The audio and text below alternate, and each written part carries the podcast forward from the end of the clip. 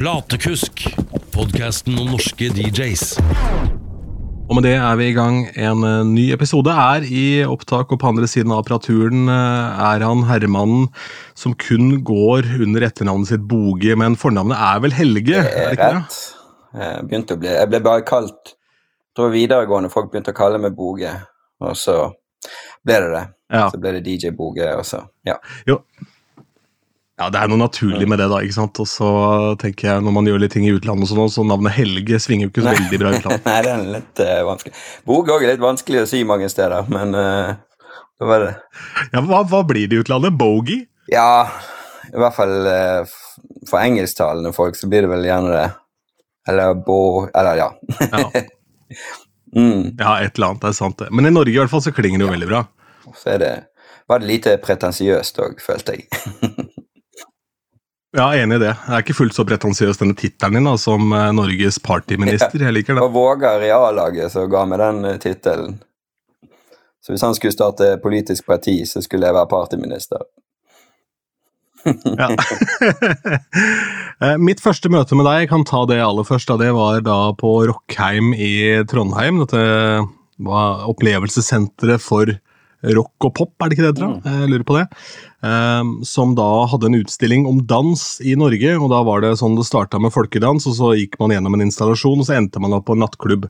Og den sangen som ble spilt i den nattklubbsesjonen, det var 'Stakk en tur på klubben' med en fyr som het Boge.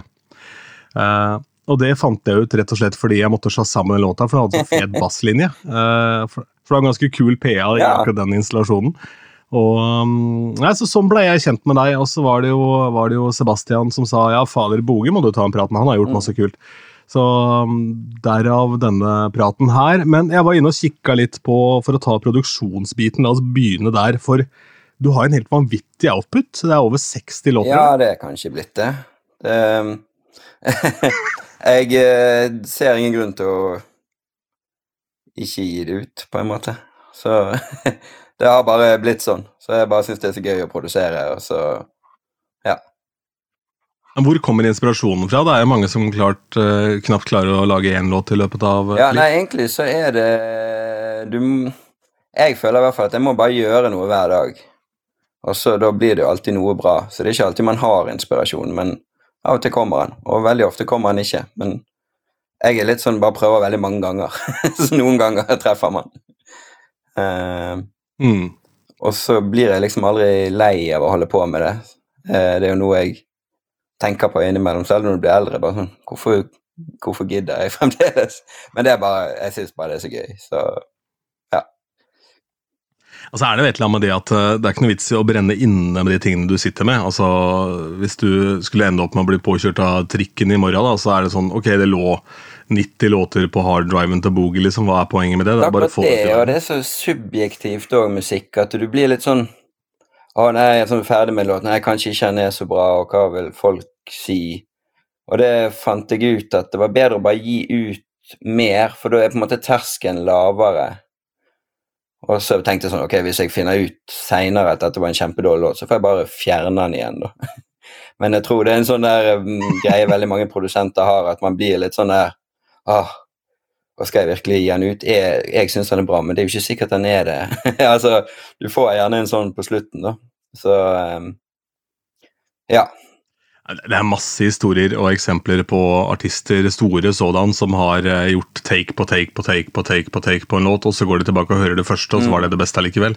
Så man kan jo på en måte høre seg i hjel, og det er jo en kjensgjerning også at man får uh, fatigue på eget materiale. At ørene blir jo drittlei av det du selv driver med. Så, så jeg jobber alltid med mange låter samtidig òg. Gjerne sånn ti låter samtidig, for da kan jeg skifte kanal. Og så blir jeg på en måte ikke lei. Ja. Eh, og så bruker jeg nesten alltid timer, sånn at jeg ser hvor lenge jeg har sittet med en låt. Sånn at jeg på en måte gjør noe produktivt, og ikke sitter og EQ-er en snare. som egentlig ikke har så mye å si i det store og det hele, men det er sånne klassiske feller man kan gå i, da. Um, ja, så det er litt sånn, sånn jeg jobber. Det funker for meg. Vet ikke om det funker for alle, men Hva er typiske, hva er typiske regler for uh, den timing-biten? Hva er det du setter eh, for deg selv, på en måte? Hvilke, hvilke thresholds det er det du varierer har? litt. Hvis hvis jeg har dårlig tid en dag, så finner jeg ok, i dag må jeg bare lage en ting. Og da setter jeg igjen ti minutter, og så bare ok, hvor mye kan jeg få ned på ti minutter? Og så lagrer jeg det, og så bare lar jeg det ligge en uke. Eh, og så har jeg et system så den dukker opp da om en uke eller to, og så hører jeg på det da. Så er det alltid en som kanskje Ikke alltid, men av og til en liten ting inni der så bare sånn Hm, det er litt gøy. Og så lager man noe ut av det. Eh, og da pleier jeg å liksom bare ha en sånn liten idé om Ok, kanskje jeg har en halvtime da på å gjøre det. Uh, av og til mot slutten så bare lager jeg gjerne en liste over hva jeg skal gjøre med den låten. Og så tenker jeg sånn ok, da kan jeg kose meg litt. La oss sette en time eller annet og liksom Ja, det varierer litt, men uh, Men det er liksom stort sett sånn jeg gjør det. Fredager har jeg litt mer løssluppen stemning, så da kan jeg av og til få lov til å sitte EQ i en snare òg. Ja. Begynner du med det samme hver gang? Har du en fast oppskrift, eller er det helt tilfeldig hvor du starter? Det er jo lett for å kanskje havne i litt sånn mønstre, da. Så jeg prøver jo å bryte de. Eh, Men liksom i musikkprogrammet så har jeg liksom bare laget meg sjøl en sånn template som blir på en måte litt som et band, da. Sånn at du på en måte Igjen, så man ikke skal rote seg vekk. Bare sånn, ok, hva trenger man? Ok, man trenger kanskje noen akkorder, en bass og trommer eh, og en lead. Og egentlig så trenger man jo ikke så mye mer. Eh, og så ser jeg om liksom Ja, jeg har sånn at jeg ikke ikke begynner helt på null hver gang, da, eh, men har liksom en ja, akkurat, ak Som om vi skulle spilt i band, egentlig. Bare sånn Ok, her kommer vi fire stykkene Mm. og skal lage en låt.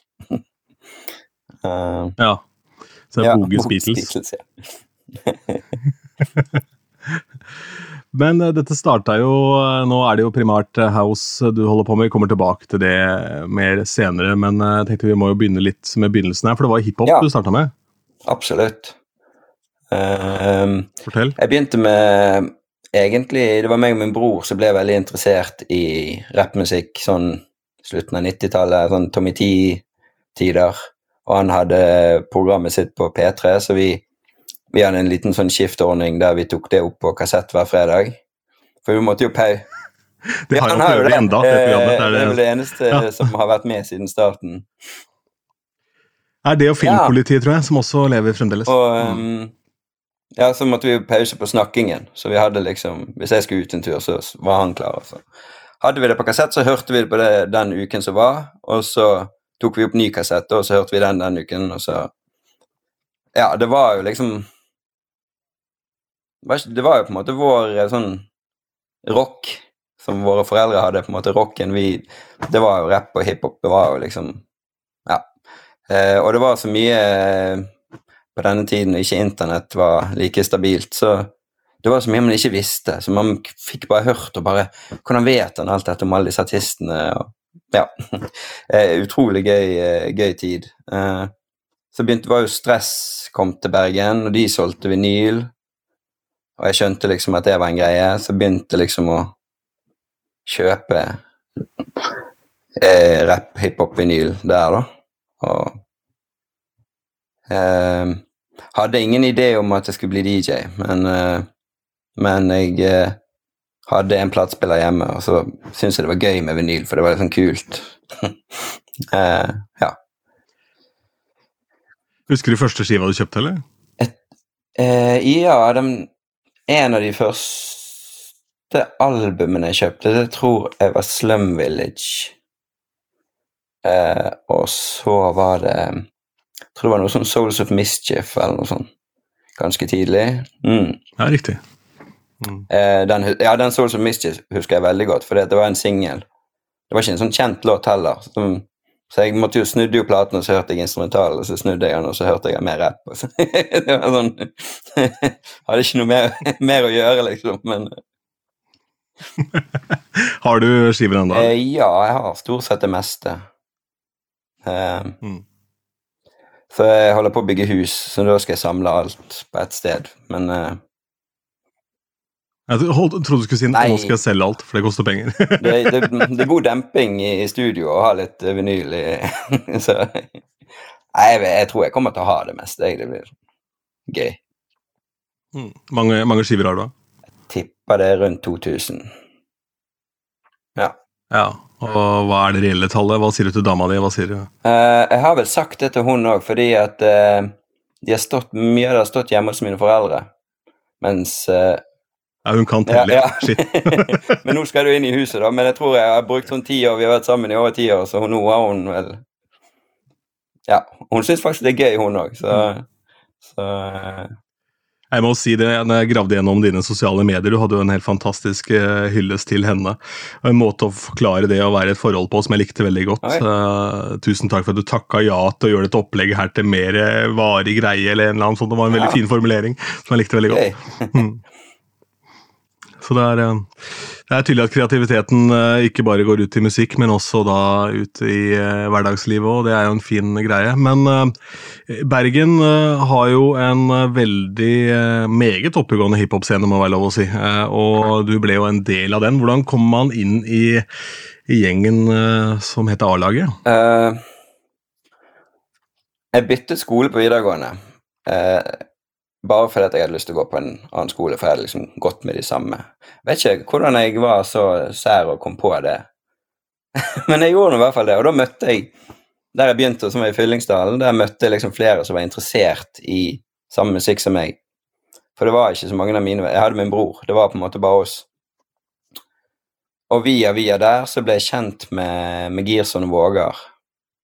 Og Lars Vaular og, og Leo.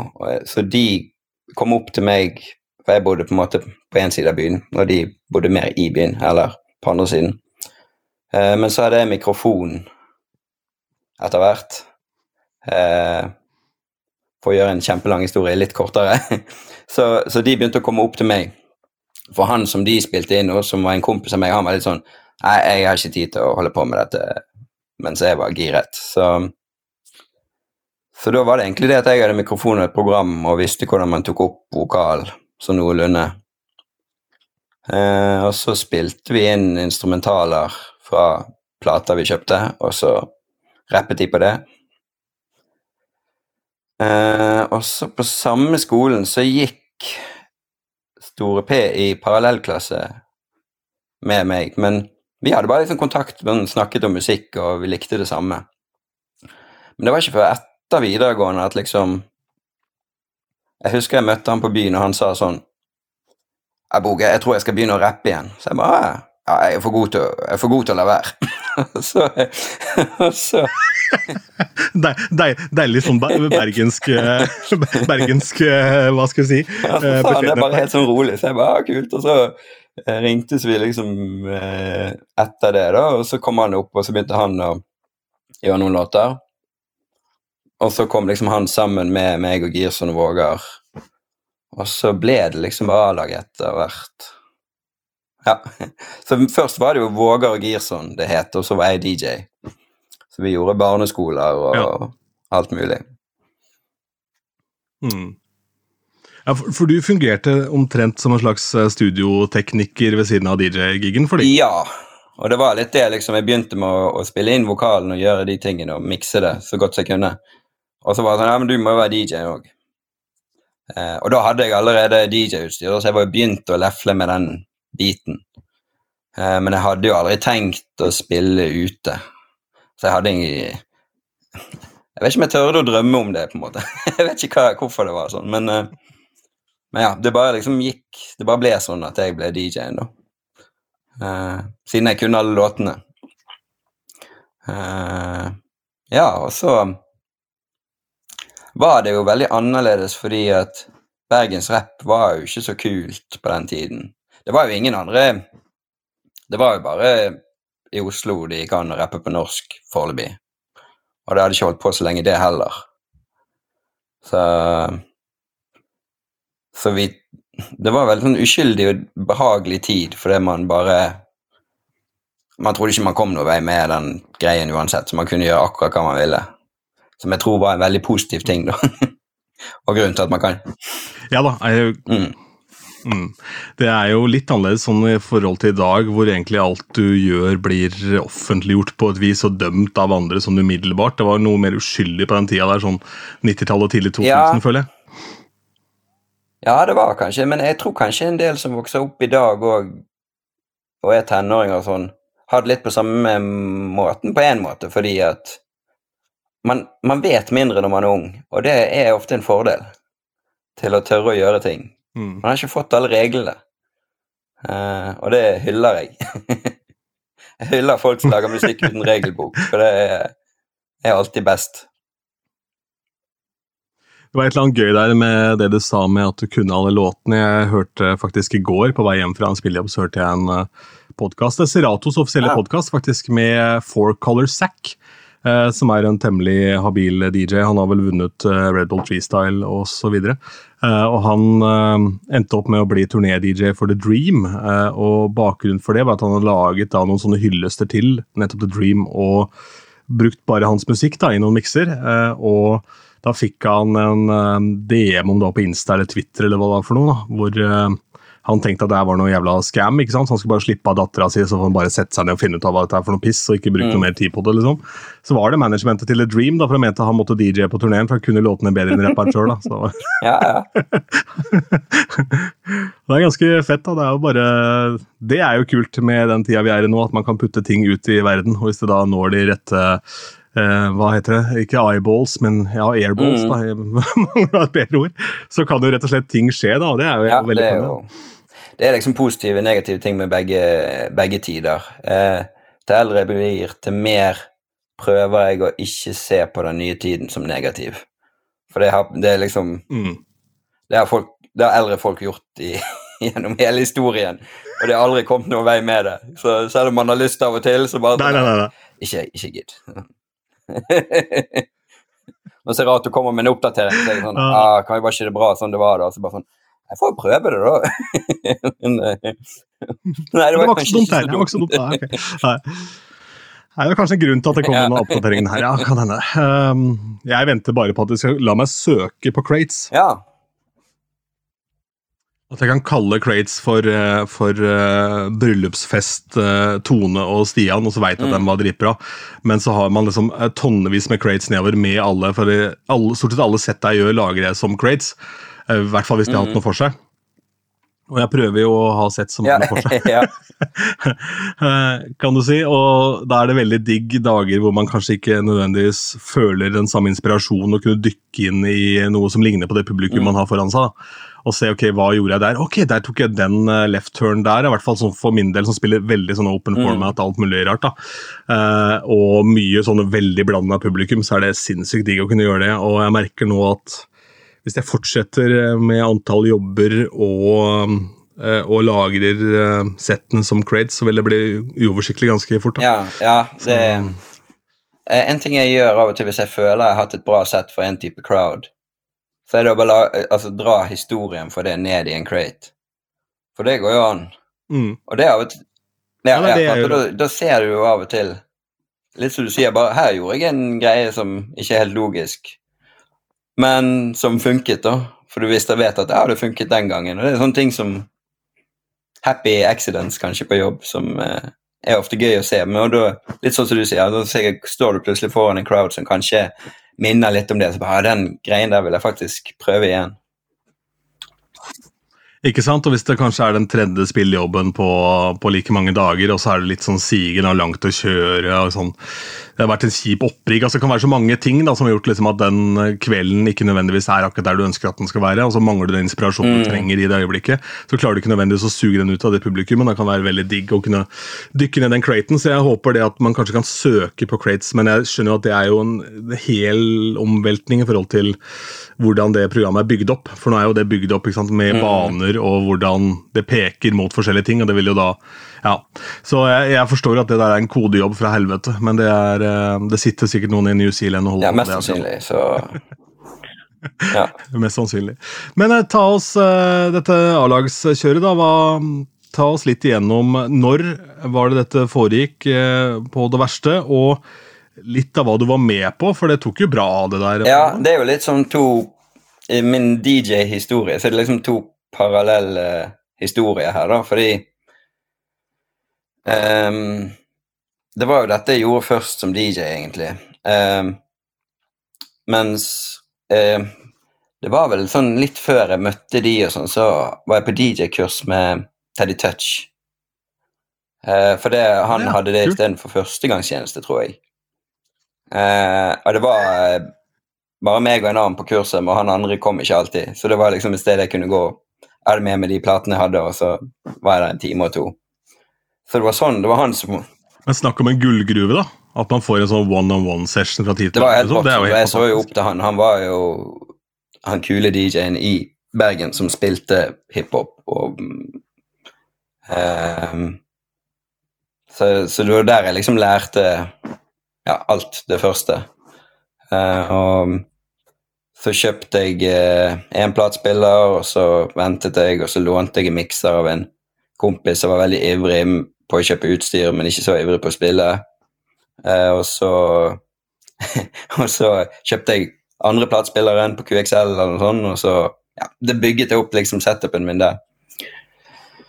Um, så da jeg var ferdig med det kurset, da, en halvt år, så jeg holdt på å gå der, tror jeg, så begynte jeg å spille mer hjemme. Jeg tok opp på minidisk. Eh, stasjonær minidisk tok jeg opp settene eh, for å høre på dem, og så lagde jeg liksom noen mikser, og så av og til så tok jeg den minidisk-spilleren ned til PC-en, og så koblet den til, og så brukte jeg programmet program som Acid, og liksom kl klippet det til, da. um, fordi at jeg likte å høre på det jeg gjorde, for da kunne jeg høre om det var noe bra. Um, så det drev vi liksom med, så begynte hele den A-laget-greien, og så fikk vi litt Altså, det var bare sånne smågigs mest i, rundt om i Bergen. Um, og jeg begynte jo, altså jeg ble jo eldre, så jeg begynte jo å gå ut og høre på DJs. Um, hun damene var sammen og syntes jo det var kjedelig, for jeg sto jo bare ved siden av DJ-en og så på. Uh, igjen sånt Ja, veldig, det er jo en sånn rar ting når du tenker på det i ettertid, at man liksom Men det er jo sånn når man liksom blir veldig oppslukt i noe, da. Uh, så det gikk liksom sånn parallelt, at jeg syns det der klubb-DJ på utesteder-greien var veldig kult. Uh, og var aldri sånn at jeg liksom Jeg likte all musikk òg. Altså, jeg var veldig sånn jeg skal spille hiphop, men samtidig hadde jeg hadde liksom ikke noe sånn Jeg likte på en måte mye kommersiell musikk, og klubbmusikk begynte jeg å liksom høre på. Ah, det virker kjempegøy. Funk og disko, det jeg hørte noen spilte noen steder, ble supergiret på det. Uh, men jeg vet ikke hva jeg skal fortelle dette her om. Vi skal kanskje ta litt A-laget først, og så kan jeg heller gå litt tilbake igjen. Um, ja.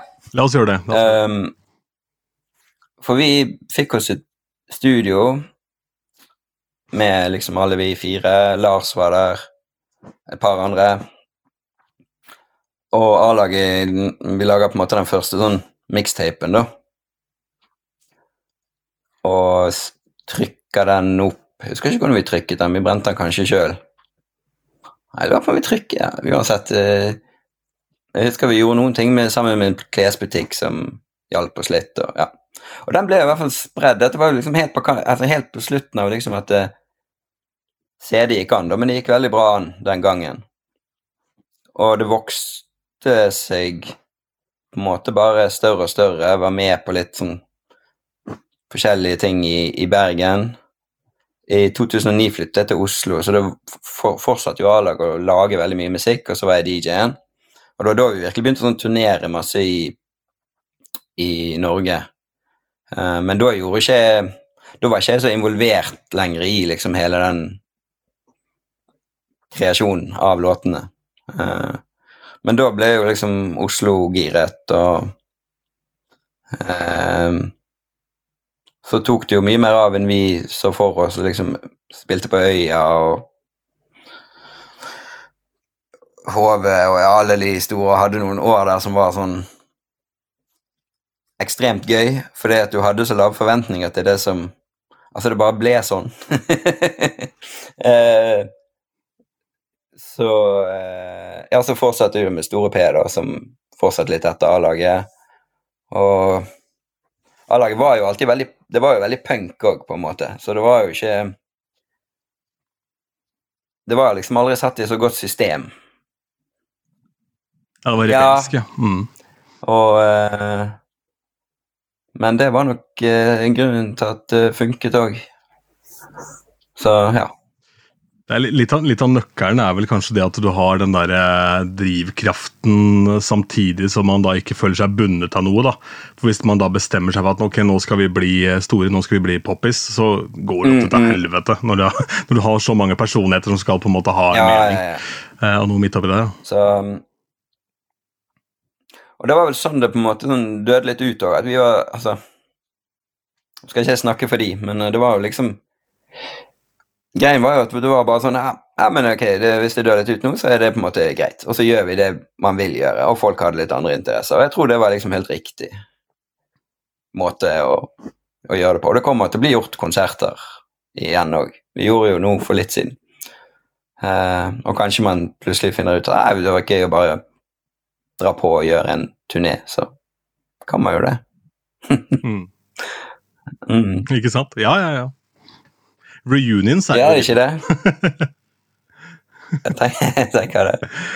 Um, Ja, ja, ja. ja, og så var jeg litt involvert da i Store P-tingene, og så ble det noen turné med han da fra sånn 2014 og fremover. Og så har det liksom ikke vært så mye etter det med A-lag og, og han. Um, da har det liksom vært DJ-ting jeg har fokusert på. Og det var det jo egentlig hele tiden. Ja, og der har det jo ja, og der har det også vært veldig mye forskjellig. da. Du har vært involvert i en hel haug med ting. Eh, Skal vi se, Hvor, eh, hvor skal vi begynne der, holdt jeg på å si. Eh, For ok, da A-laget da dabber av, da, og etter hvert på en måte, om ikke dør helt, så i hvert fall blir det en mindre del av din hverdag, så blir det Store P-opplegget, og så blir det primært DJ-ing. Hva slags DJ var Boge akkurat der og da? Um,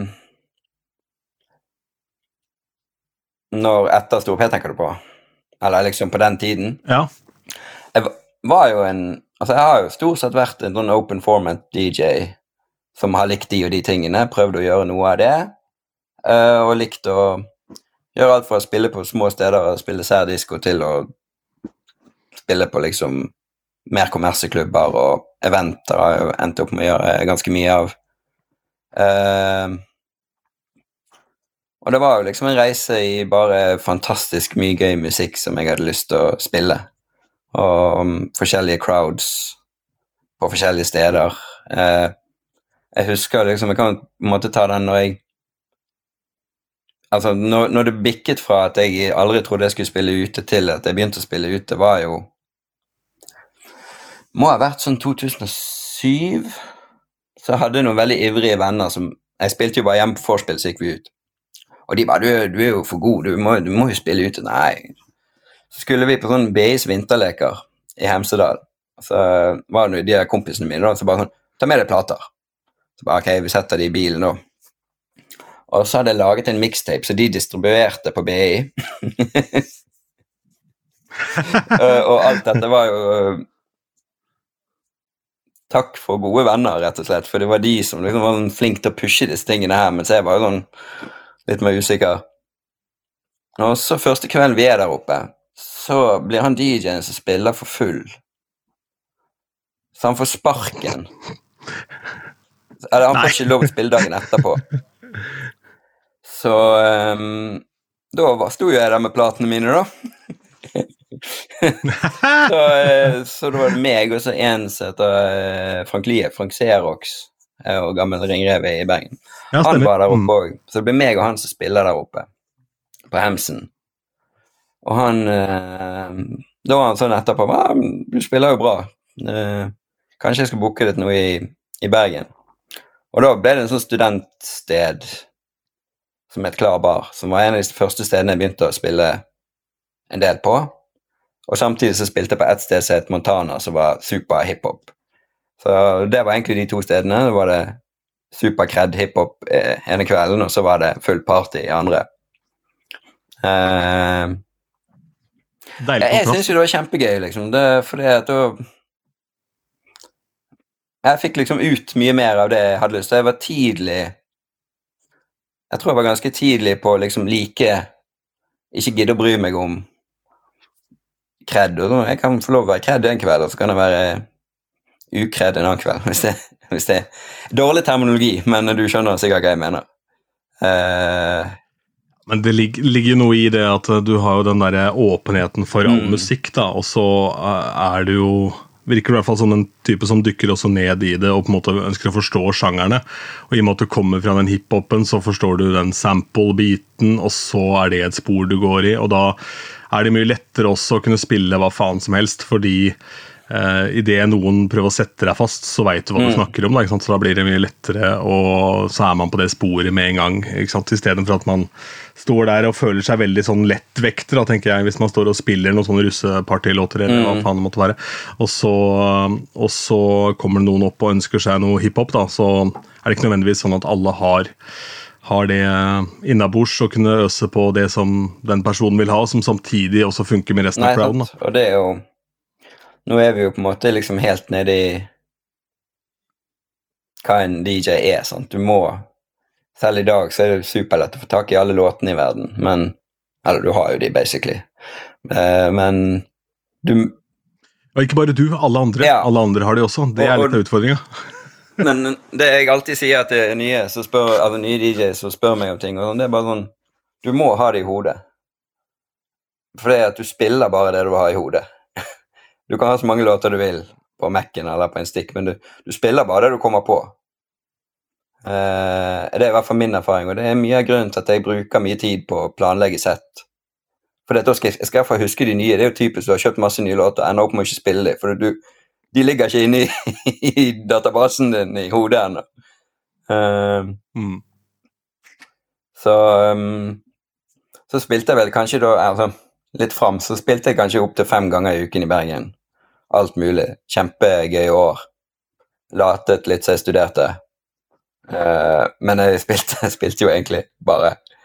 Um, og så gikk jeg på et studie på BI som gjorde at jeg de siste årene måtte ta i Oslo. Samtidig så hadde jeg veldig lyst til å flytte til Oslo for å liksom hm, Kanskje jeg kan spille der. Og fikk veldig fine kontakter i Oslo. Jeg har vært veldig heldig med folk jeg har møtt i bransjen, eh, som har vært bra folk. Eh, og det jo, er jo alfa og omega når du starter opp, og bare møte riktige folk som som gir deg en sjanse, og, og, og gidder å liksom ta det med, da, og, og teste det ut. Um, så da kom jeg liksom inn etter hvert i Oslo og fikk fikk gjøre det jeg ville. Gjorde litt klubbkonsepter. Hadde klubbkonsept på Først på Fru Hagen på Løkka, og så på Dattera til Hagen hver torsdag. Som var supergøy. Eh, og utenom det så var jeg liksom Ja, hva, hva gikk de konseptene i? Ja? Det var jo egentlig sånn Det var veldig blandet, men det var jo mye disko og hiphop og liksom hiphop og rappting som kanskje passer litt mot disko sant, med samples og sånn som du snakket om. Og, men jeg spilte masse ny liksom, ny hiphop òg, og, og litt house. hvis det, det var veldig sånn blanding.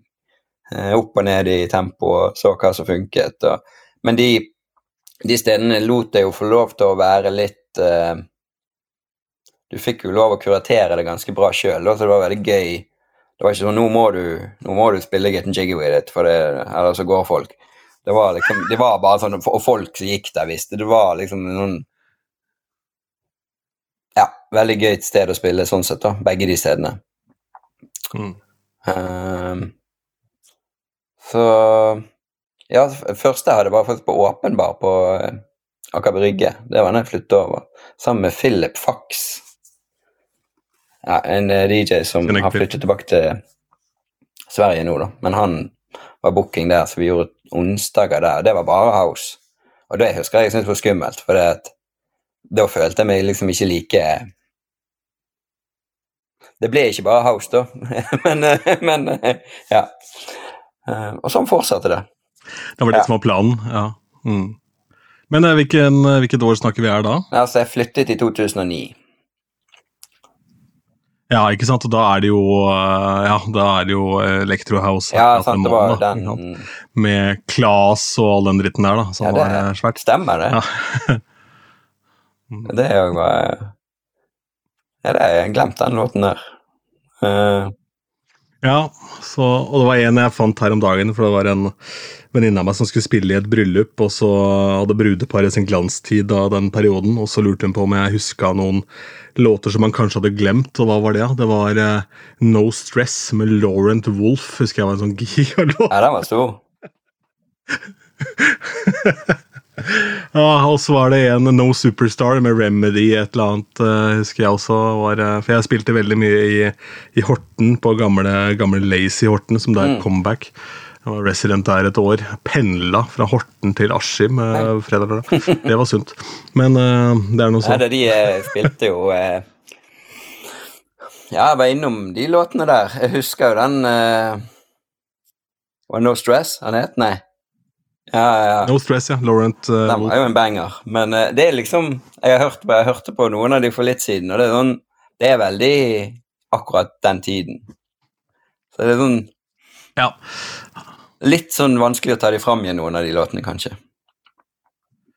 Jeg har hørt noen av de har kommet til sånn eh, 2018, for eksempel, sånn uh, remix-variant også, men det fungerer ikke. Det faller liksom på ræva, for det var den perioden Ja, var altså, så, altså jeg husker jo sånn Watch the Sunrise med Axwell og sånn. sånn. Det er jo sånne ting jeg fremdeles kan spille, for det, er- det har stått seg så bra og låter så tøft og litt Ja, ja, ja. Men den elektrogreien var veldig Den var kanskje litt der og da. Det er sånne ting man ikke alltid vet når man står oppi det, men man ser det veldig sånn i ettertid. Nei, nei, absolutt ikke. Men uh, Axwell særlig hadde jo litt mer sånn organisk lydbilde. Det var litt Mm. gitar involvert, og Watch the Sunrise er jo en helt nydelig låt. Det er en YouTube-video jeg aldri finner igjen, som jeg husker jeg digga. Det var en som spilte den på akustisk gitar. Uh, Watch the Sunrise, bare én sånn kar filma med et litt sånn dårlig kamera. Det var jo ikke mobil, for det var for tidlig for det, tenker jeg, men litt sånn dårlig kamera. Og så lagra jeg en da på YouTube-kontoen min, han som favoritt, men nå er den tatt ned sikkert av noe sånn Ja. Eh, rettighetsårsaker. Så den, eh, jeg angrer på at ikke jeg bare teipa den lyden. Det var en Mm. kul... Også, og så Hvis jeg hadde hørt den nå, så hadde den sikkert vært ræva, men da, der og da så hadde den noe forskjell kunne Kunne hatt uh, teipet den, og så kunne du liksom spilt den i settene. Bare begynt med litt av den uh, akustiske Ja, ja. Klart det. Uh, det. Ja, det er jo en god idé, men vi får se, se om den dukker opp igjen en gang. Om man laster den opp igjen, han kameraten som spilte den på gitar. Hvis, den skulle, hvis det skulle komme en remix av den låta som blir Mm. så kanskje han gjør det. Mm. Nei, Men eh, etter hvert her, da, så, så eh, blir du jo en ganske etablert eh, DJ. Og hvordan går det videre da fra, fra dattera og fruen, Mm. Hagen sådan? Har de stedene noe med hverandre å gjøre? Er det noe eierskaps... Eller er det bare det, det, var det, det var vel noen som booket på den tiden, som i hvert fall hadde litt sånn fot i begge leirer. Uh, Ja. men det var vel ikke samme eiere Nei. Dette Jeg bare tenker det er artig at Ja, Hagen veldig. Eh, men det var en. Altså, det var bekjentskaper mellom de to som gjorde at jeg flyttet, for det, fru Hagen måtte jo slutte med DJ, for de fikk en ny nabo oppe som satt med desibelmåler. Eh, så det var ikke så gøy lenger. Så Ah, det er det. Ja, det var det. det. Så Mm. Ja, så det var jo veldig kjedelig. Eh, men Og det var en som DJ Gymbag, som liksom òg fikk meg inn på disse stedene, som allerede bodde i Oslo. Som har vært liksom superhyggelig med meg i alle år og gitt meg jobb, og han DJ Gymbag, det var sånn nydelig navn. Jeg husker, eh, husker fra jeg leste Mutech, som var dette bladet som var et sånn DJ-magasin. Som kom da og handla veldig mye om elektronisk musikk, da, som uh, kåra liksom de beste utstedene eh, og hadde anmeldelser av nye skiver og en hel haug forskjellige. Og da husker jeg det var liksom noen navn som gikk igjen på plakaten og flyerne som var inne i det magasinet. og Det var jo da DJ Gymbag, selvfølgelig, som var litt artig. Og så var det DJ Dust. DJ Hele Fitta var jævlig gøy, jeg husker jeg, for det var drittungen da jeg satt og leste det der. Eh, og et par andre navn som selvfølgelig da gikk igjen der, da, som man hele tida så, med, ja, med Roland Lifjell og en hel haug med andre. da. Eh, men eh, sånn DJ Gymbag, det er sånn der enkelt og kult navn, liksom. Jeg husker da jeg var um, mye yngre og var i byen. Jeg vet ikke om jeg var i byen med mine foreldre og gikk forbi Kaffe Opera så sto det sånn 'I kveld, DJ Gymbag', og så var jeg sånn Gymbag? Altså, jeg, visste, jeg tror ikke jeg visste hva DJ var engang, men det var Gymbag. Så det er sånn det er Kjempegøy. Kjempegøy navn. Um, Appellerer til de som ikke kommer inn der. Bruker ikke en krone i baren. Altså, jeg jeg, jeg syns jeg var veldig heldig som fikk lov til å holde på med mye forskjellig da, av det jeg Altså av sjangre og Ja. Var liksom Det var bare for jeg likte, likte så mye.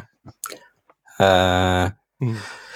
og så De første årene så spilte jeg bare vinyl, men det var vel bare sånn to år, ett-to år før liksom Serato kom. Og jeg husker jeg ringte til LLK i Bergen, som var liksom de som solgte DJ-ting, og spurte om de hadde Serato. Og så fikk jeg svaret at nei, sånn DJ-software eh, på PC, det har ikke vi troen på. Uh, så, så jeg måtte bestille det. Famous, famous last words. Nei, det var ikke noe særlig. Så, for det, da hadde Jesse Jeff begynt å bruke det, så jeg leste intervju med han. Uh, så da gikk, gikk det vel et sånn halvår i hvert fall der jeg hadde med meg 80 plater og så PC med Serato.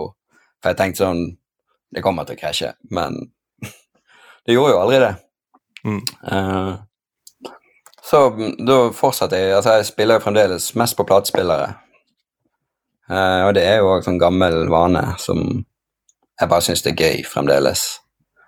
Eh, men det er ikke så ofte jeg gjør vinylsett lenger, da. Det, Nei, speak på Nei. vinyl, nei. det har blitt litt uh, sjeldnere. Kanskje nå når jeg får alle platene på ett sted, så kan jeg gjøre, gjøre det litt igjen. Um, Det er jo et eller annet med det å kunne invitere til en kveld hvor det spilles vinyl. da. Jeg tror det har en helt egen uh, tiltrekningskraft hos folk. Jeg tror det slår Mm, litt. definitivt. Jeg har gjort det. Uh, og så er det en gøy måte å, å spille på, at det er det som er oppi denne veggen du, du har å rote med. Uh, det òg er jo liksom Det er litt annerledes, faktisk, men på godt og vondt. men eh, ja. Ja, helt klart, men det er jo gjerne en sånn type tilnærming man kanskje bør ha til et DJ-sett hvis man skal spille Mm. en plass. da. At man da pakker en, eh, rett og slett en crate i Serato, eller en mappe, eller hva man vil kalle det, eh, som om det skulle vært en DJ-bag med plass til kanskje de 80 eller la oss si 150 låter. da. Ikke Mm. Nei, det, 5000. det er akkurat det. Det var jo litt så det vi snakket om i sted. Det er kjempe, et kjempetips hvis du skal DJ-e. Mm. Ha en plan. Og Ja. så går det ikke etter planen, men uh, du har fått, fått begynt et sted. Um, Ikke sant? nei, så da var det, ble det mye spilling i Oslo, og jeg studerte ferdig. Og Hva er det for noe? Eh, jeg gikk eh, noe som het kultur og ledelse, så det er egentlig markedsføring innenfor kulturbransjen. Eh, for jeg var litt Ja. sånn, jeg kan jo ikke leve av DJ-ing, selv om det var på en måte det jeg gjorde. Ja, det var jo kjempegøy òg når du hadde studielån og spilte hele tiden. Jeg har aldri vært så rik, eller trodde jeg i hvert fall. Betaler jo på et studielån nå, da, så Eh, Men jeg, det ble jo aldri til at jeg begynte å Fikk meg voksenjobb når jeg var ferdig heller. Så jeg fortsatte eh, egentlig bare å spille. Og da var det jo mest i Oslo. Litt i Bergen. Eh, og det er vel de stedene jeg har spilt mest, og så har det vært litt reising her og der. Ja, hvordan eh, endte du opp da i det derre funky house-kjøret som du har vært på nå en stund? da? Ehm, det var nok ehm, litt de som jeg ble kjent med av eldre DJs i Bergen og Oslo for så vidt, som liksom hadde litt den bakgrunnen, og at jeg likte så godt disko og soul og de tingene, og at jeg, jeg likte at det var litt organisk, da. Eh, og likte så, så så det var nok grunnen til at jeg liksom endte opp med å begynne, begynne der når jeg produserte. Og så var det sånn, hver gang jeg prøvde å lage noe som skulle være litt sånn større takeoff-ting, så endte det opp med å liksom bli litt roligere. Det er, liksom Jeg vet ikke, det er sånn det er, tror jeg. Jeg tipper det er andre produsent Bare slappe, bare slappe Ja, det var liksom, jeg var ikke han fyren som lagde de crazy dropsene som jeg gjerne liker, men det er liksom ikke min greie, tror jeg, helt. Eh, sikkert andre produsenter som prøver å lage noe chill, og så ender opp på andre siden. Eh, Ja, jeg kan se for meg det hvis Timmy Trumpet skal gjøre noe eh, litt rolig. så blir det sikkert eh, ganske mye mer trøkk enn min den som jeg er mest trykk av, som jeg har laget, på en måte. Eh, Ja. Men det er, ja. Men uh, nei, det er jo viktig å Ja. ha sin personlighet òg inn i det, så stol litt på det etter hvert. Det har ikke jeg alltid gjort, det skal sies, men uh, sto, man må liksom bare stole litt på at man er inne på noe.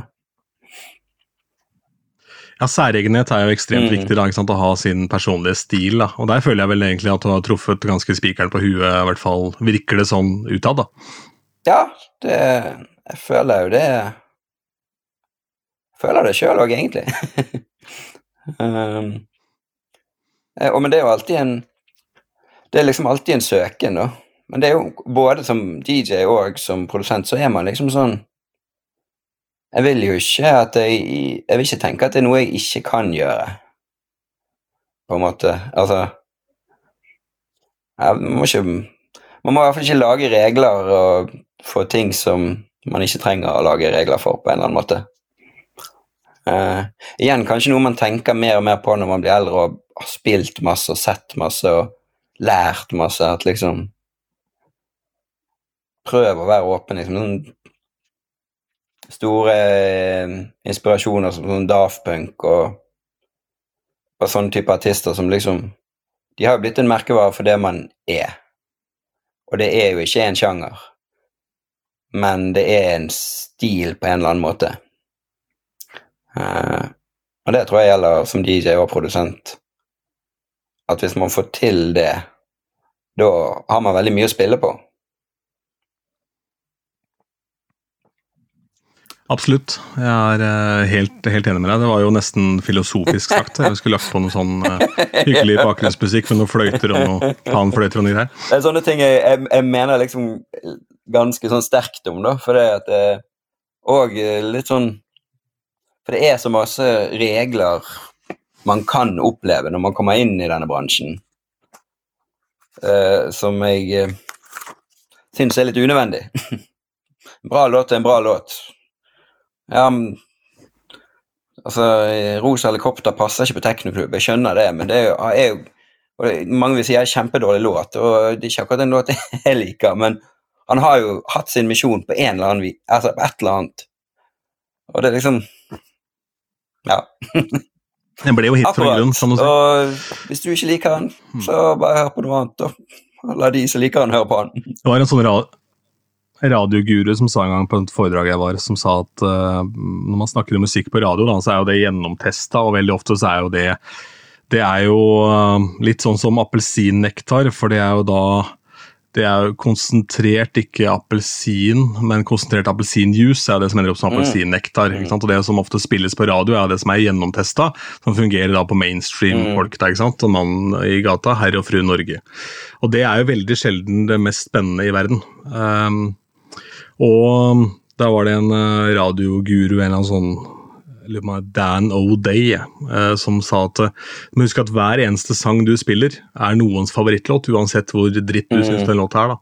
Og Litt samme er det jo egentlig med DJ-ing. så I den ene settingen så kan du da du plutselig havne på en fest som den gjengen som er der, hadde et helt annet utgangspunkt for hva de syntes var en god fest i 1998, enn hva du Mm. syns, på en måte. Og så eh, må man jo bare flippe seg etter de, for det er jo tross alt de man spiller for. Man er jo ikke der for sin egen del, med mindre man er booka som eh, Kjempe, kjempegodt poeng. Og hvis jeg skal gjøre en klubbjobb på en klubb som har en profil, så kan det være mye strengere enn hvis du gjør et event. For det er to helt forskjellige ting. Eh, På en houseklubb, hvis noen kommer inn og sier 'ikke spill house', så bare da må dere gå på en annen klubb, for her spilles det house. Eh, mens på et event Ja, så er det sånn du er der fordi de er ikke der for deg. Og det er helt det motsatte. Men, men det skal jo sies, uansett hvor du spiller, bare sånn, for å ta den siden òg, så er det liksom um, Du bør utfordre folk. Fordi uh, det er min erfaring er at folk liker det. Selv de mest kommersielle folkene liker å bli utfordret. Og når folk har kommet bort til meg etter et sett og sagt sånn 'Du spilte så mye rare greier, aldri hørt før, men det var så gøy', da er jeg liksom Da er jeg fornøyd. For da har du på en måte Hva? Mm, gjort noe, da. Ja. Så, Da har, du, ja, da har du på en måte også drevet med en form for opplæring. Var det Larry Levansan, legenden? Han sa det at uh, spill musikk folk liker, men spill også musikk folk Ja. ikke visste de likte. det er vel min leveregel òg. Um, Mm, for da helt klart. For hvis du Hvis du bare bare, spi, altså bare spiller det er superhits, så, så vil du fort se at det hjelper ikke det heller, på en måte. Altså, du kommer ikke helt i mål med det heller. Uh, så ja. Føler vi dekket den greit, jeg. Ja, jeg tror jeg også, ja. Jeg skal gi deg kudos for én ting før vi hopper inn i Kickslip, som er et helt eget kapittel her. og Det er eh, navnet på en playlist som du har på Spotify som heter Blame It On Boge. Det er altså et så nydelig navn på playlist. Det er ikke så mange som har gitt meg kudos for det, men jeg var veldig fornøyd sjøl, så takk. Det skjønner jeg. Men vi var egentlig da på vei inn i Kickslip, som um, blir da et nytt kapittel i karrieren til eh, Boge. Og der slår du deg sammen med Bård Kolstad, som vel uh, slår langt hardere ting enn hva dere driver med vanligvis. Ja. Uh, igjen, så Han er jo metalltrommis. Absolutt. Mm. Eh, og supermange tilfeldigheter, selvfølgelig, som gjorde at eh, jeg endte opp der, eller ble kjent med han. Det var Jeg var på et utrykningslag og møtte en Der kom det en ungdom som eh, hadde med seg en Mac og skulle lage en russelåt på utrykningslaget. Sånn gimmick-type ting. Så ender jeg opp med å sitte og snakke med han etterpå, da. Og han var produsent, og jeg inviterer han til å liksom leie rom sammen med meg der jeg har studio. For han virket som en veldig hyggelig fyr. Og han var sånn Du, vi har et sånt konsept med, med en DJ og trommis, men vi trenger DJ. Uh, ja, ok, ja, men vi kan ta et møte med de gutta der. Ja, så, så møtte jeg Bård og, og Fredrik, da, som er manageren vår nå, og veldig god kompis av de. Han, han som hadde ideen til konseptet. Og mm, de hadde allerede booket noen ting, så vi drar egentlig bare og spiller, og da var det jo Det var litt sånn Jeg vet ikke, moderne electrohouse-ish ting han hadde spilt på da, som han hadde fått av en annen som Ja. Jeg skjønner hvorfor han endte opp med det, men det var veldig ukjent for meg. Men jeg er veldig sånn Ok, jeg vet ikke helt hva jeg syns om dette, men jeg har lyst til å prøve, fordi igjen, bare prøv, og så kan jeg heller hate det etterpå. Ehm, men så syns jeg at liksom konseptet med han, for han er jo ekstremt dyktig trommis. Ja, det er helt Ja, absurd. så det er jo liksom Så- Ja. Uh, så jeg ville jo gjøre mer, så vi gikk i studio, og så begynte jeg å sende han låter og legge litt mer min touch på det, da. Uh, og uh, da ble det litt mer sånn som Ja, eh, da begynte jeg virkelig å føle det, og, og jeg jobber jo med musikk og produserer musikk, så jeg kan jo klippe i ting og meshe ting opp og eh, editere mye mer, sånn at du får en får en helt egen en måte, pakke med, med konseptet. Gjorde første videoen og fikk en del bookinger, og da gjorde vi alt sjøl. Så da begynte vi å reise og spille. Eh, og han eh, som manageren vår har vært superflink til å liksom holde i alt som meg og Bård driver med, som, med booking og alle de tingene der. Og det er jo helt utrolig gull verdt å ha en manager som jobber for deg. Så lenge du har en bra Ja, ja. manager. Ja, det, Eh, det merket jo jeg. Eh, det har jeg merket to ganger i livet. Det er jo når jeg gjør eventer med, med Need Music, som jeg jobber masse med, sånn som all booking der, og så med Fredrik, som Fordi at du På et eller annet tidspunkt så klarer du ikke å gjøre alt sjøl. Eh, så da, da bare vokste dette, så ble det en naturlig greie jeg gjorde. Og jeg skal være den første til å innrømme at første gang jeg tenkte på DJ og trommis, så var ikke jeg overbevist om at det kunne bli fett. Eh, Nei, det er jo ofte DJ og saks man ser, eller DJ og congas er veldig vanlig, og så, Og så med en sånn reinspikka med trommis. eh, første jeg tenker på, er Ja. vel Travis Barker og Spider. da. De har gjort Mm. dette i ganske stor skala. Og de var jo ekstremt dyktige. Ja, og- nylig på Mm, ja, ja, sant? Ja. og det var jo supertight. Um, så det var de eneste jeg òg liksom visste om som hadde det rendyrket. Uh, men det vi spiller, er jo relativt kommersielt. Uh, men det er jo mye energi. Og det Jeg ble jo kanskje enda mer glad i ting som jeg ikke før var like giret på, som er litt mer trøkk. For dette igjen fikk jeg inn en fyr som driver med metal, og hans tanker om hva som er kred, eller hva som er Det er helt annerledes enn i vår verden, sant? Fordi at, og det er så spennende, sant? For det, det, det bare sånn Hvis jeg sier er ikke det er litt cheesy, så syns ikke han det, for det er han vant med. Og omvendt, liksom. Det er sånn Ja, Og så kan det være at det driver den sangen, det appellerer til han, samme pokker, hvem som har Og det, og det er mange låter jeg sender som jeg finner rundt omkring, så lager jeg hver gang jeg leter, så har jeg liksom Ok, men dette gir jeg til Kickslip, og så ser jeg jo. Og det er mange låter som har blitt noe av etter han har spilt på det, som jeg var sånn Jeg vet ikke, men la oss høre når du spiller på det, så bare Ja, det funker jo dritbra, for det er noe med det Mm. som Ja. Uh, så uh, har vi liksom Har det jo fortsatt å vokse, og det er, er jo blitt er jo mitt nye bandprosjekt. Eh, moder- moderne partyband er jo det vi egentlig er. Eh, og utrolig Det er kanskje det mest krevende jeg gjør på en scene, for det mm, Det går unna. og jeg, Ja, hvor, Hvordan er en kickslip-gig da? Altså, er det, det er ikke en fullverdig konsert, er det, eh, eller hva? Altså, Gjør dere typ 70 minutter? vi liksom? gjør opp mot en time. Så Ja, det har jo blitt det er-. Går ned noen kilo da? Ja, det Jeg kan se bort på han på slutten hvis jeg ser at han sliter med å trekke pusten. Da må jeg si sånn Ok, men da Vi gir oss her. jeg, jeg har liksom et minne av en gang jeg bare sånn der, For jeg lurer på om det var um, Vinjerock. Da var det så god stemning, så jeg bare Ja, vi tar litt av den. Og da var det den der eh, Hva heter den hete? Macklemore eh, Ikke den første hiten. Ja. Can't hold us? Den går jo unna. så jeg så Ja, ja.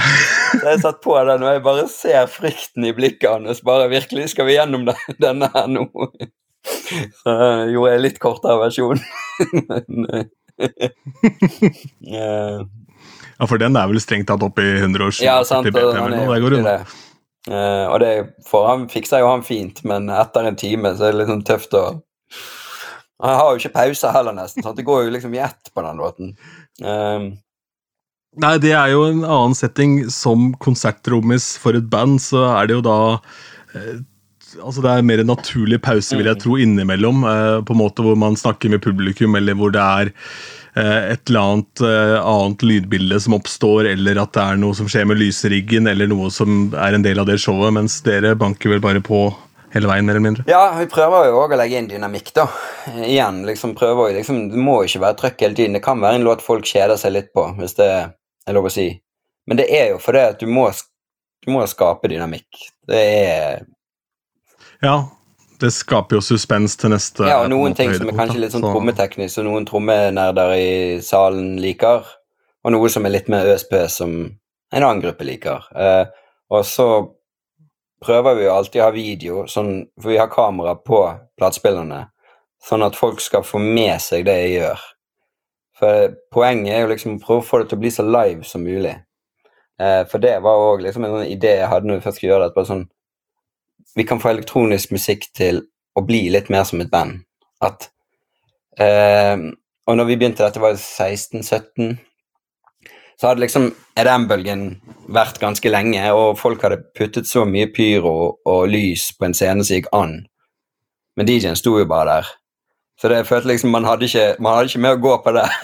så, så, så var det sånn Hva er det gamle rockerne når de går frem på scenen med gitar? sånn, Det har noe å si, liksom. altså Å se folk gjøre noe på en scene er jo gøy. Um, Mm. Så nå av og til har vi med prosjekter sjøl og kjører liksom hendene mine og sånn på det. Og ofte er det jo LED-vegger og sånn som er det beste. Uh, men vi er ikke så store at vi kan reise med det sjøl. Så uh, Nei. Men uh, ofte i festivalsettinger så er det Ja. allerede en del av produksjonen hvis det er en større headliner, sant, Det er som krever det. Så, Så, mm. Så blir vi av og til booket til å gjøre mindre sett, 20 minutter og sånne ting. Av og til har vi gjort liksom to ganger 20 og to ganger en halvtime og sånn. Eh, festivaler så er det stort sett opp mot en time vi pleier å gjøre. Mm. Ja, ikke sant. Mm, fett. Kult. Um, og dere har gjort litt ting i utlandet også. Jeg så et intervju med deg i nå husker jeg ikke akkurat magasinet her, men der kom du innom en sånn 420-festival i Kambodsja. En litt unik gig. Det er vel den mest unike gigen jeg har hatt. uh, ja, det var jo liksom via via, så var det noen som hadde 420 Festival, da. Ja. For de som ikke veit hva det er for noe, så handler jo det da om eh, Det handler jo om å fyre seg en liten en, da. Ehm, og um, var ute på en øy, og i Kambodsja er det jo sånn at all dop er jo ulovlig. Men for hvert sted vi kom til, så var det en grunn til at det var lovlig akkurat der. At sånn her, Politimannen bor rett ved siden av festivalen, og han har sagt at det er greit, så derfor er det greit. Altså det var sånn, Den neste øyen vi var på, eh, så var det sånn Ja, det er jo ikke lov med weed her, men eh, det er en militærbase på øyen, og det er de som produserer det.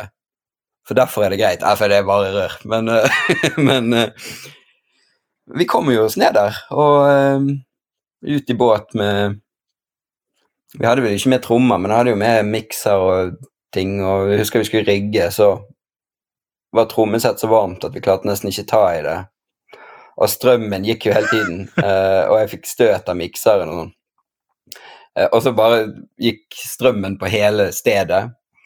Så bare ok, vi venter med lydsjekk, og så kommer han som skal fikse det. Og så har han liksom bare to sånne ledningsstumper.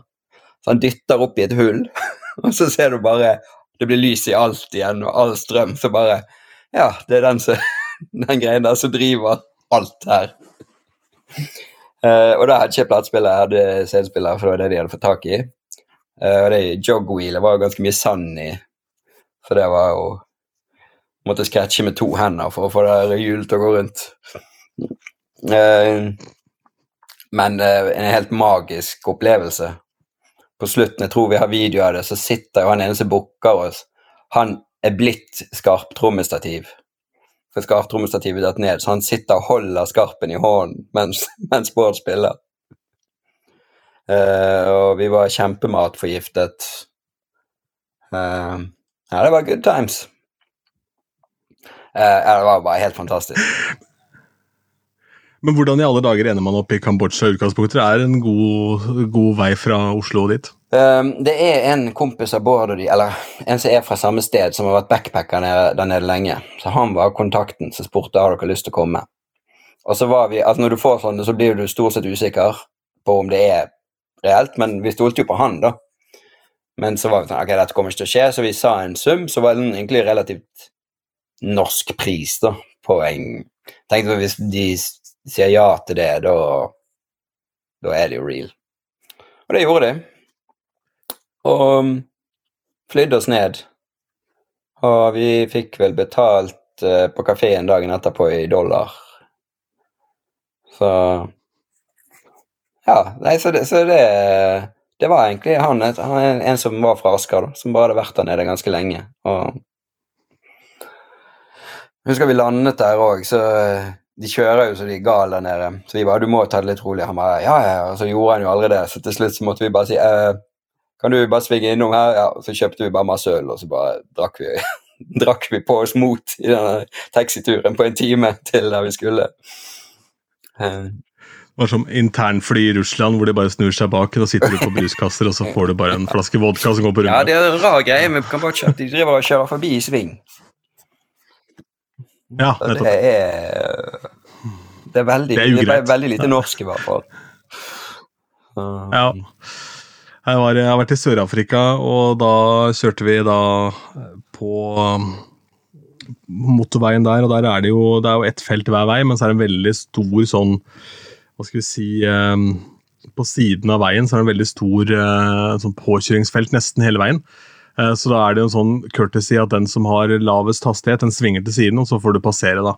Men det som var jævlig guffent der, var at du ble forbikjørt av eh, lastebiler hvor det sto liksom 40 mann på lasteblanding. sant?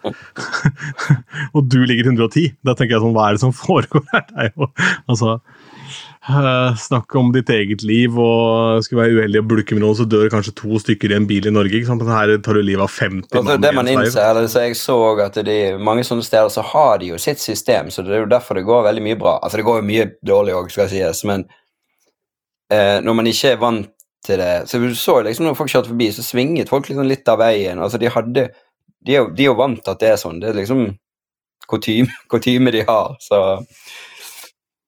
ja, de var, de var, veldig flinke til å på en måte signalisere takk for hjelpa sånn da du mm. la deg inn til siden. Uh, så var det jo veldig sånn med, med varselblinkeren der og full pakke, så de var veldig opptatt mm. av den biten der, da. Men uh, allikevel, du ble aldri helt vant til det. Men uh, det er nå så. så. Så ja, ekstremt gøy tur. Um, hmm. Så vi fortsetter nå. Andre ting i utlandet? Har det vært uh, flere ting i utlandet med kickslip, eller er det noe som er i anmarsj? Vi har gjort én i England gjennom uh, gjennom å sette Ticketcore sitt billettsystem. Så hadde en event i England. Um, så har vi ikke gjort så mye, men det er kanskje noe i anmarsj, da. Vi har noen som snuser litt på det. Så det er litt spennende. Kult. Jeg har jo troen på at vi kan få det til å funke. Um, jeg tror også at det er et kjempemarked, for det der, det der fusion-opplegget er jo veldig poppis. Mm. Eh, og jeg ser i USA nå så går det veldig unna med et sånt ektepar som heter Ragosa, hvor hun spiller ja. gitar. Hun var uh, turnégitarist for Structure Soleil, den der Michael Jackson-forestillinga. Uh, og så er han da uh, sånn regional DMC-champion. Ja, så de gjør da litt samme som dere, bare enda mer kommers. da, Og de satser jo primært mot eventbransjen, så de gjør liksom 20 minutter med bare liksom partyhits, mm. egentlig, med scratching og live-gitar, som er ganske heftig. Så kult. Det er morsomt. Ja, Sender en video. Jeg, det. det er jo disse tingene som igjen snakker om utvikling. Det er jo Utvikling har jo gjort det mulig å gjøre alle disse tingene. Uh, for det før så kunne man jo ikke skifte pitch, eller eh, skifte tempo uten å skifte pitch, f.eks. Så da var jo Der isolerte jo du Der var jo ingen musikere som kunne være med lenger hvis du gjorde det. Og, uh, og det er så lett å klippe i ting i dag, og, liksom Ja. Det er jo helt fantastisk mm. at vi er kommet dit. Ja.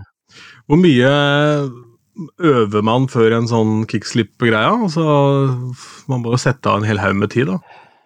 Ja, det blir jo Vi har liksom jeg, jeg, føler vi har en del stadier. Jeg prøver å øve sånn noenlunde jevnt og trutt. Akkurat nå sliter jeg litt, for vi bor i en bitte liten leilighet mens jeg venter, så jeg må liksom rigge alt opp hver gang.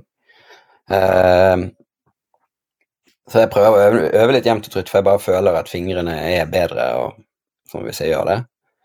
Uh, og Bård òg spiller jo hele tiden, så så kom, men dere er ikke avhengig av å øve sammen? Vi, men det er liksom, så, så begynner vi ofte liksom, For hvert år så prøver vi å lage et helt nytt sett. Så drar vi jo inn ting og Ja. Så da begynner vi jo bare å sitte sammen og høre gjennom masse ting. Og så legger jeg i mapper bare sånn dette kan jeg klippe litt i. Kanskje vi kan bruke den bassgangen eller den, det droppet der, men vi likte ikke breaket, så bare finne et annet breakdown.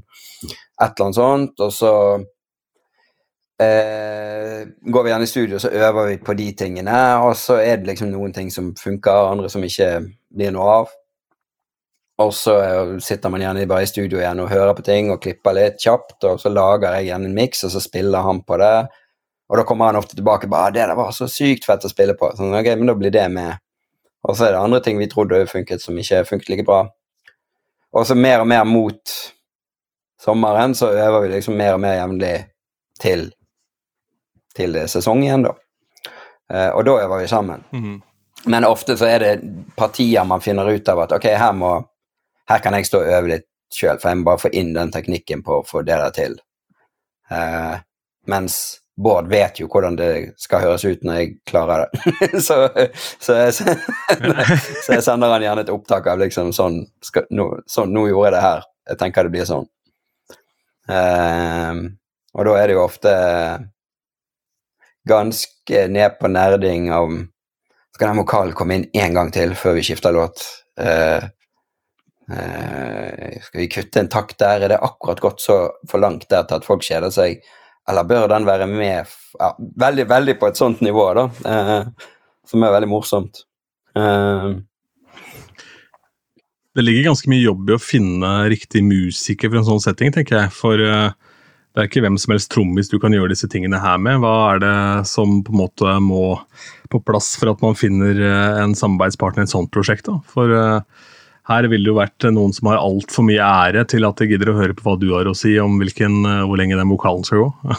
Ja, men det er, du må finne en som du har det tillitsforholdet med. For han blander seg i mine ting, og jeg blander meg i hans ting. Og det må være greit. Uh, Mm. Ja, rett og og Litt respekt. Fordi eh, Ja, det er på en måte nøkkelen. Og så Da blir man, blir man stort sett bedre. Og av og til så kan du gå en kule varmt, så blir du sånn ah, jeg vil absolutt ha det med. Og så innser du senere at han hadde kanskje rett, og så har jeg ikke så lyst til å innrømme det. Men uh, man må liksom prøve så langt det går. Så bare prøve, da. Så bare, det funker ikke. Og så kan man være Men, uh, men det er den tillit og respekt, ja. Og man kommer fra helt forskjellige verdener, og det er på en måte genialiteten i det òg. Så Altså jeg, jeg tenker man må jo bare prøve. Og så er det Jeg har gjort mye som ikke har funket opp gjennom tiden. Så Og lært ja, masse sant. av det. Altså, tenk, du tenker sånn ja, Tenk alt jeg kunne gjort hvis jeg kunne gjort det om igjen. Så bare Ja, men det er jo Sånn fungerer det ikke.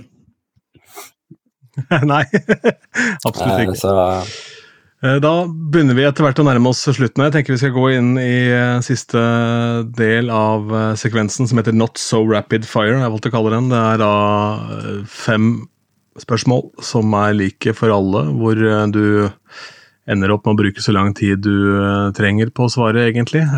Trenger ikke å svare det første som faller inn i huet ditt, men det lyder som følger. Eh, Favorittgig, eh, og da den er todelt. Det er både hva du har vært på selv og sett, eh, og hva du har gjort selv og opptrådt på. Var vi innom Kambodsja, det er kanskje vanskelig å toppe den, i hvert fall.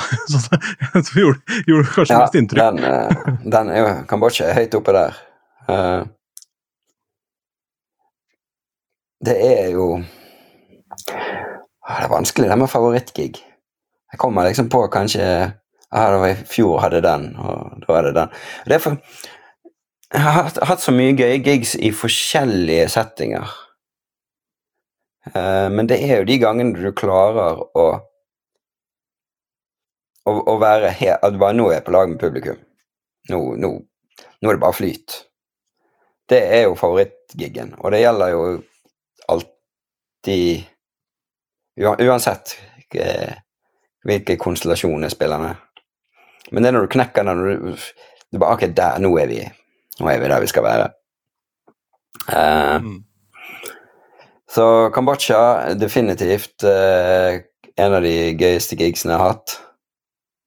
Uh, og så er det jo Jeg har spilt på Ekstremsport-VK i mange år. Så der oppe er det jo er nok en av de gøyeste jeg har hatt òg. Men det er bare over mange år. Mye adrenalin. Alltid vært gøy. Ja. ja, ikke sant. ja. Favorittgig du har vært på? Um,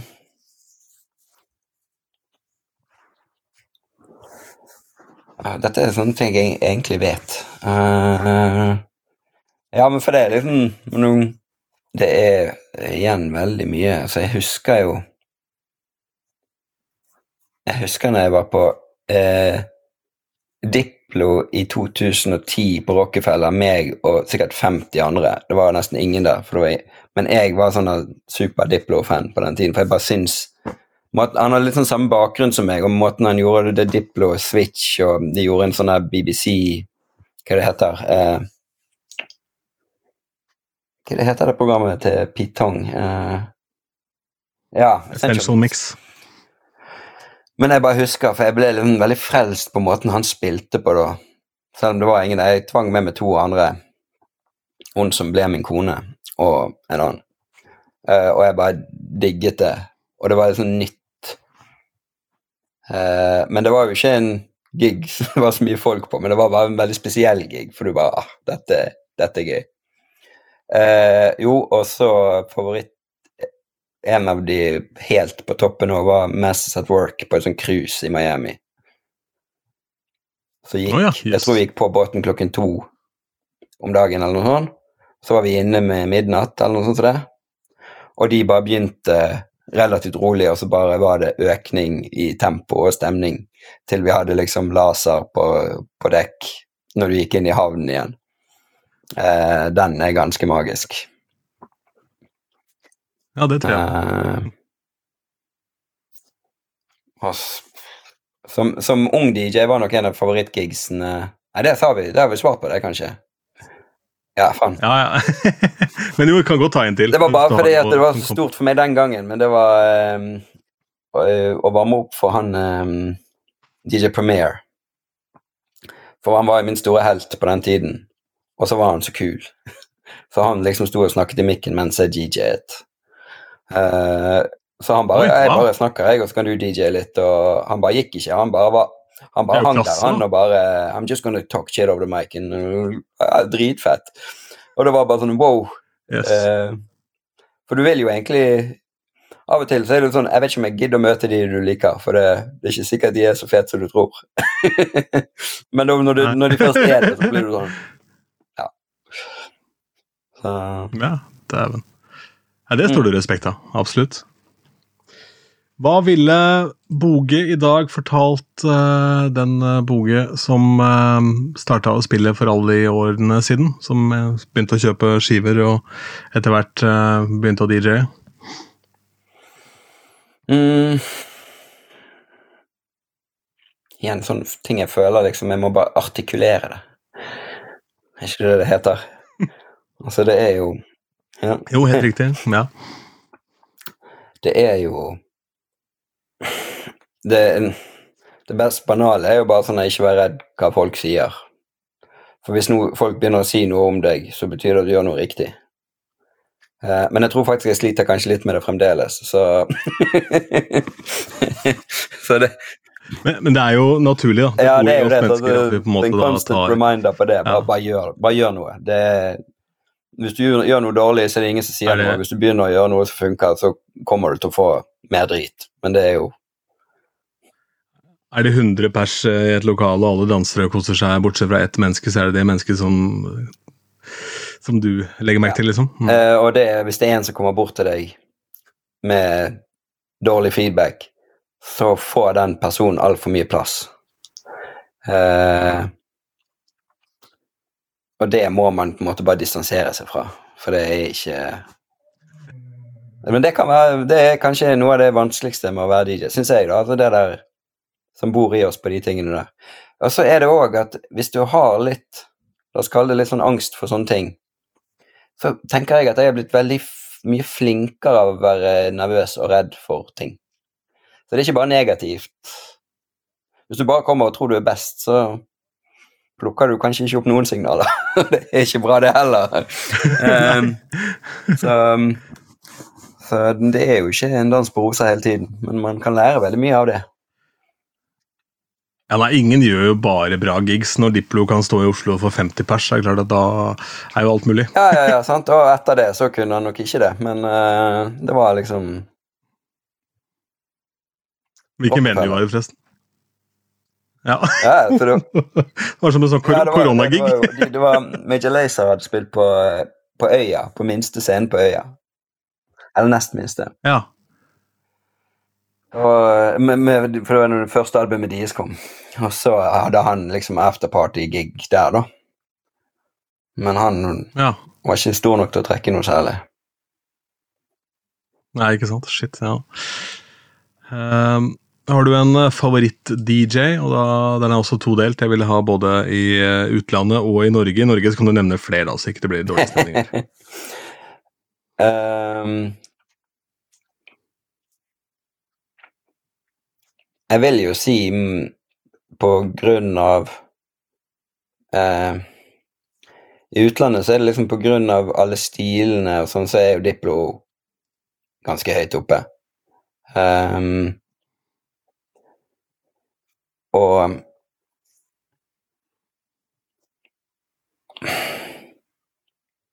Og på blending og litt mer sånn teknisk er jo Jazzy Jeff og som òg sitter med sånn super musikkunnskap, kan spille masse forskjellig. Uh, Mm. Det er jo obligatorisk det hvis ikke du som hører på dette har sett settet hans fra Tomorrowland. Også. Det, er, eh, det er noen bilder der som er helt absurde. Han avslutter med Toto med Africa og alle de folka som vel har vært godt nede i noen poser med litt av hvert. eh, De skjønner ikke hva som foregår engang. Eh, nei, så det er Jeg tenker, jeg tenker det, det er nok det. Altså, det er jo mange innen house og alt sånt, men hvis det er noen som jeg på en måte Som minner meg om meg, så er det liksom de som. Ja, den der eh, lekenheten da, som Diplo har, og ja, for så vidt også Jazzy Jeff selv, eh, man begynner å bli en godt voksen mann, og den finessen og grooven i alt han gjør, da. Jeg tenker at det er liksom litt av det som kanskje du Mm. også streber etter og, og ønsker å være, da. Mm. Ja, virkelig. Uh, Mm. I Norge? I Norge Ja, det er jo um, Det er jo mange, mange i Norge òg.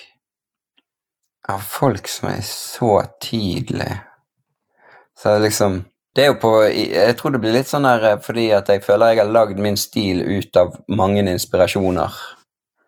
Eh, så tidlig var jo liksom Måten Teddy Touch gjorde ting på, var veldig sånn eye-opener for min del, for det var det første gang jeg så noen gjøre de tingene i Norge.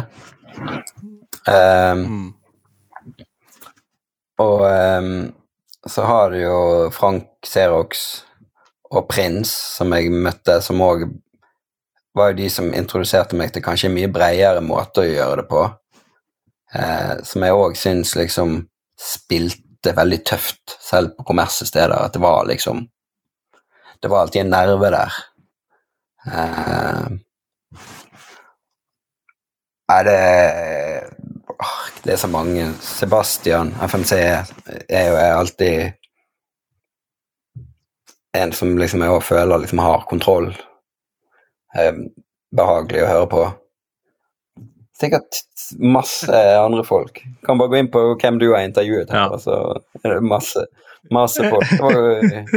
Så det er Ja. jo eh, Og, hvem vi har i loopen. Det blir jo mange, mange flere spennende ting også, tenker jeg, etter hvert. Men, eh, nei, ja, men det er jo en fin liste der, altså. Og, og kanskje også noen navn som, som ikke folk nødvendigvis har så sterkt forhold til, med Xerox og, og så Mm. videre. Så man kan jo dykke litt ned i, ned i hva den herre mannen har foretatt seg i livet. Det er ikke, det er ikke småtterier, det heller.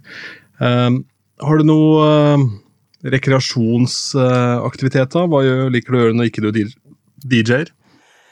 Nei, altså, min kone sier at jeg er nødt til å få meg en hobby. Fordi at hobbyen min er å lage musikk, som jeg sier. Det må være godt nok. Ja. Uh, men hun mener at jeg burde av og til gjøre på noe annet. Men det er jo vanskelig å komme på noe annet, da. uh, og det Altså Per i dag så er det ingenting. Det er liksom det er DJ-ing og den biten der som også da er jobb, og så lager du musikk i tillegg som også da er Ja. delvis jobb. og jeg trives liksom godt med det. Uh, nå har jeg fått en sønn, så han uh, Han er vel Han tar jo sin tid. Eh, og det Utover det så er det vel ikke så mye Herregud, det høres jo helt uh, kjedelig ut å være så eh, ha så lite andre interesser. Er det bra? Det kan ikke være bra. Jeg må jo, må jo finne på det. jeg, jeg vet ikke om det er bra, bra eller dårlig, ja, men samtidig så var vi inne på her tidligere at du har jo gitt ut utrolig mye musikk. da, altså Du spyr jo ut låter, og det er jo masse gigs, og det er kickslip, eh, og det er øvinger, og ja, så ting tar tid. da, og jeg med en sønn oppå der, og en kone etter hvert, da, så ja da. Ja, og så er det jo liksom ja, Når jeg har fri, så så lager jeg mat. Og gjør noen andre ting. Eh, passe. En annen ting er jo at jeg for noen år siden begynte å trene. Eh, som jeg ikke gjorde før. eh, og jeg skal ikke si jeg er noen stor eh, treningsfyr, men eh, det ga meg sykt mye i forhold til alt annet jeg gjør. Eh, og det høres veldig sånn der mann som nærmer seg 40 ut å si, føler jeg, men eh, det funker jo. Det gjør jo det. Så, eh, for jeg får mer inspirasjon av det. Apropos, det var jo noe av det første du spurte om. Men det er, det er, noe, det er noe å gjøre noe annet. Å gå tur, det trenger ikke være så voldsomt, men bevegelse er positivt. Og der, men der endrer jo kroppen seg òg. Jeg føler når du er 20, så kan du gjøre hva du vil. Kroppen bare er, er med på alt. Og så bikker du 30, og så begynner du å vokse andre veien, og så fant ut det at å, å sove og så gå rett på jobb og så stå i fire timer og så sove igjen, er kanskje ikke det sunneste livsstilen du kan ha. Det kjenner jeg meg vel ganske godt igjen i. Men jeg går i den fella oh, ja, ja, ja. eh, den dag i dag, altså. Mm. Senest i går. nei, jeg det, for det er ikke Men um, det det er de nye tingene. Og, og matlaging er jo gøy, for det, det er litt som å lage musikk. Hva går det i? Ja? Altså, er det noe spesielt kjøkken du liker, eller er det bare alt mulig? Det er ikke fiskeboller, liksom? Nei, det kan være det òg, men uh, det er egentlig alt mulig. Man fikk jo litt boost under korona, da når man plutselig fikk mye mer tid. Uh, så da, da lagde jeg mat og DJ-et på kjøkkenet en stund. Så, så jeg hadde litt DJ-ing med da, i matlagingen.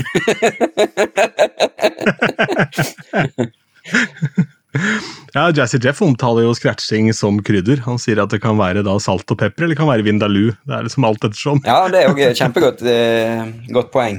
Det er jo eh, Scratching er jo krydder. Det er jo Det er igjen sånne ting folk er sånn Ja, må liksom øve på teknikk og beatmixing og alt sånn. Så tenker jeg alltid at det første du må gjøre, er jo bare å spille riktige låter etter hverandre. Så alt annet er egentlig krydder. Eh, og musikalitet, selvfølgelig, og alt sånt, men eh, det er jo sånn sånn er for jeg har sett DJs som ikke mikser, spille superkult. For det er bare musikalitet i, i det de gjør. Eh, Ja, de bare dropper ting. ja, ja, sant. Så, Så- bare um, Det funker, liksom. Fordi den ene passer med den andre på en eller annen måte. Uh, jeg føler at det er en ny greie med DJs nå for tiden, for å være han gamle på én greie. Det er liksom den der at eh, man Folk er veldig opptatt av BPM og, mik og at ting skal mikse sammen. Og eh, det er nok fordi at nå kan man finne ut av det, eller nå kan man se det så lett. Eh, mens før så var det litt annerledes.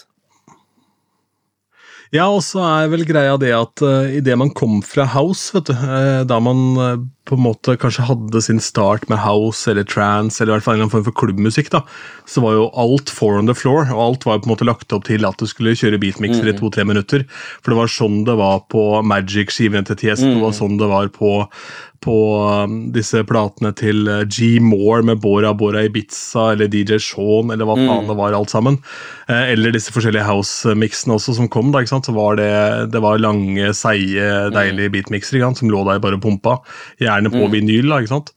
Um, og da ender man opp eh, med å tenke at sånn må det være. da, Jeg går i den fella masse selv og tenker hele tiden at ok, det er så viktig, men i det siste så har jeg blitt mye mer sånn bevisst på ok, her er det break, et naturlig break i låta. ok, da Ta et reverb ut der, da, så kan du Ja. bare rense på en måte hele Ja, Det blir som en eyebleach. da. Det finnes nettsider hvor du kan gå inn og se på ting som bare er hyggelig, hvis du har måttet se på mye dritt, f.eks. Har du sett et helt jævlig skrekkfilm, skal du gå inn på noe som heter eyebleach, og så er det bare sånne hyggelige bilder av solnedganger eller pene damer eller hva enn du måtte like. Eh, og så blir det litt det samme med at du på en måte resetter et gulv. Da. Jeg gjorde det i helgen og fikk masse kjeft av en østeuropeer. Ja. For Han mente på det at det var helt hårreisende da, å gå fra det var noe house-greier over i, så gikk jeg over i jeg tror det var Fugees, jeg, 'Killing Me Softly', som jeg tok på fordi den låta du går inn i, må være kjent Ja, nok til at du kan Ja, slippe unna det er jo, er et, er jo et triks sant, som kan funke like bra som beatmixing, men eh, Det var en superdrita østeuropeer som ikke likte det noe særlig, da, det kan jeg jo sikkert forstå, men det er jo greit. Det var, ja, meninga vil alltid være you made, you made one, one, one really big mistake. One mistake. Så, ok, ja, men det, Ja, det er Ja, og jeg hadde ikke drukket sjøl. Jeg prøver å la være å drikke på gig nå, for det var altfor mye av før pandemien. Så jeg har eh, vendt meg bort ifra at det er en naturlig del av spillejobb. For det Nei, det er helt sant. Men eh, jeg skal ikke si at jeg alltid følger det. Men eh, Nei da, eh, det gjør ikke jeg heller, på ingen måte, men det var, eh, det var unormalt å ikke ta altfor mange øl på jobb før, og det er ikke Nei. Nei, Sånn skal det ikke være. Men eh, Nei, det Det er en slags middelvei på alt. Alle sånne ting. Helt klart. Helt klart. Du, denne podden her nærmer seg slutten. Det var en veldig hyggelig prat, Boge. Takk like for tida di. Um, og her er det bare å dykke ned i noen av linkene under her. Jeg tar og legger linker til litt forskjellige Spotify-kontoen min, hvor man kan finne playlister og masse låter og litt av hvert. eh, Og litt videoer av kickslip og sånne ting. Eh, Og så, hvis noen er interessert i å vite mer om deg, hvor finner de deg i sosiale medier? Det er vel eh, Instagram, da, som er DJ Boge. Ja, DJ Boge. DJ understrek Boge, for det er en eller annen jævel der ute som har DJ Boge. Ehm, og så ehm, Ja, det er vel Insta som er best, og så har jeg hjemmeside djboge.no. Ellers er det, som du sa, Spotify og Mixcloud. Jeg prøver å gjøre prøver å gjøre en hver fredag. Det blir nesten hver fredag. En halvtimes liten miks av nye ting jeg finner. Som er bare sånn ganske kjapt Ja, og gale, men det er bare sånn gøy ting. Bare, ja. Av ting gjerne jeg har kjøpt. da. Jo, Ja. det holder deg Ja, litt så det heter Boges Beats and Bear Friday. For dette er liksom Hva sa du nå? Beats and Bear Friday. For da kan jeg liksom Her er noen nye beats, nå kan du ta deg en øl, det er helg. Det er liksom den stemningen. Deilig. Som du hører, dette er partyministeren eh, vi har med å gjøre her. Og Siste spørsmål, da, og det spørsmålet som mange anser som det aller viktigste i løpet av hele podkasten, er jo som følger Hva er din favorittbit i Twist-posen? Det er lenge siden jeg har tenkt på. Da jeg var liten, var det den der um, eh, svarte eh, lakrisen. Men eh, jeg tror Lakris? kanskje jeg har gått over til en av de som er litt mer sånn dumlete. Men jeg vet ikke hvilken av det det er Ja. en sjokolade med sånn inni. For det, det passer til kaffe. Ja. det er vel en sånn engelsk sånt, toffee, tror jeg den eh, heter. En sånn variant. hos meg. Jeg er Ja. litt der nå. Så lenge ikke du har kaffen over i skåla. er Nei da, det er Det er sånn jeg spiser sjokolade. Nå minte du meg på at jeg har noe dumle oppi skapet her. Det var ikke bra. Nei, det er bare torsdag i dag, og så vente til fredag. Herlig. Takk for praten. Ha det. Det er jo et eller annet med det, vet når man sitter og prater, litt sånn som vi snakka om i stad. På DJ-gig så er det lett å glemme de sangene man ikke nødvendigvis har i hodet fra gammelt av. Eh, og da er det vanskelig å alltid huske på de viktige tingene. Men dere skal jo gjøre en offentlig gig i Oslo med Kickslip. Det må jo Ja, folk få med seg. på Jungs i Oslo 11. november. Eh, Vi gjør Kickslip and Friends. Så da skal vi gjøre en del, mye av det vi har gjort i sommer på festivaler, og litt nye Kickslip-ting som vi jobber med nå. Eh, og så blir, eh, blir det litt gjeste-DJs òg. Eh, Sebastian Eames eh, skal være med. Og så gjør vi en helaften. Eh, Mm. Så det gleder jeg meg veldig til. Det er første gang vi på en måte gjør en sånn offisiell gig. Vi har gjort noen på status og litt sånn, men eh, jeg håper så mange som eh, Alle som har mulighet, kan eh, komme på Jungs. Jeg håper, håper vi også. Og så er det lov å stå der som supernerd også, bare kikke på med sånne store øyne. Det er helt De er kjempegøy. Det må bare gjøres. Ja, eh, billetter og sånn, er det noe man kjøper, eller hvordan fungerer dette? Der er på? Ticketmaster.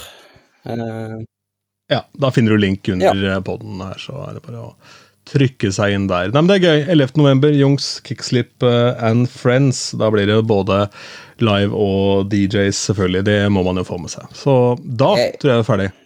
ha det. Ha det. Du har hørt Platekusk, podkasten om norske DJs.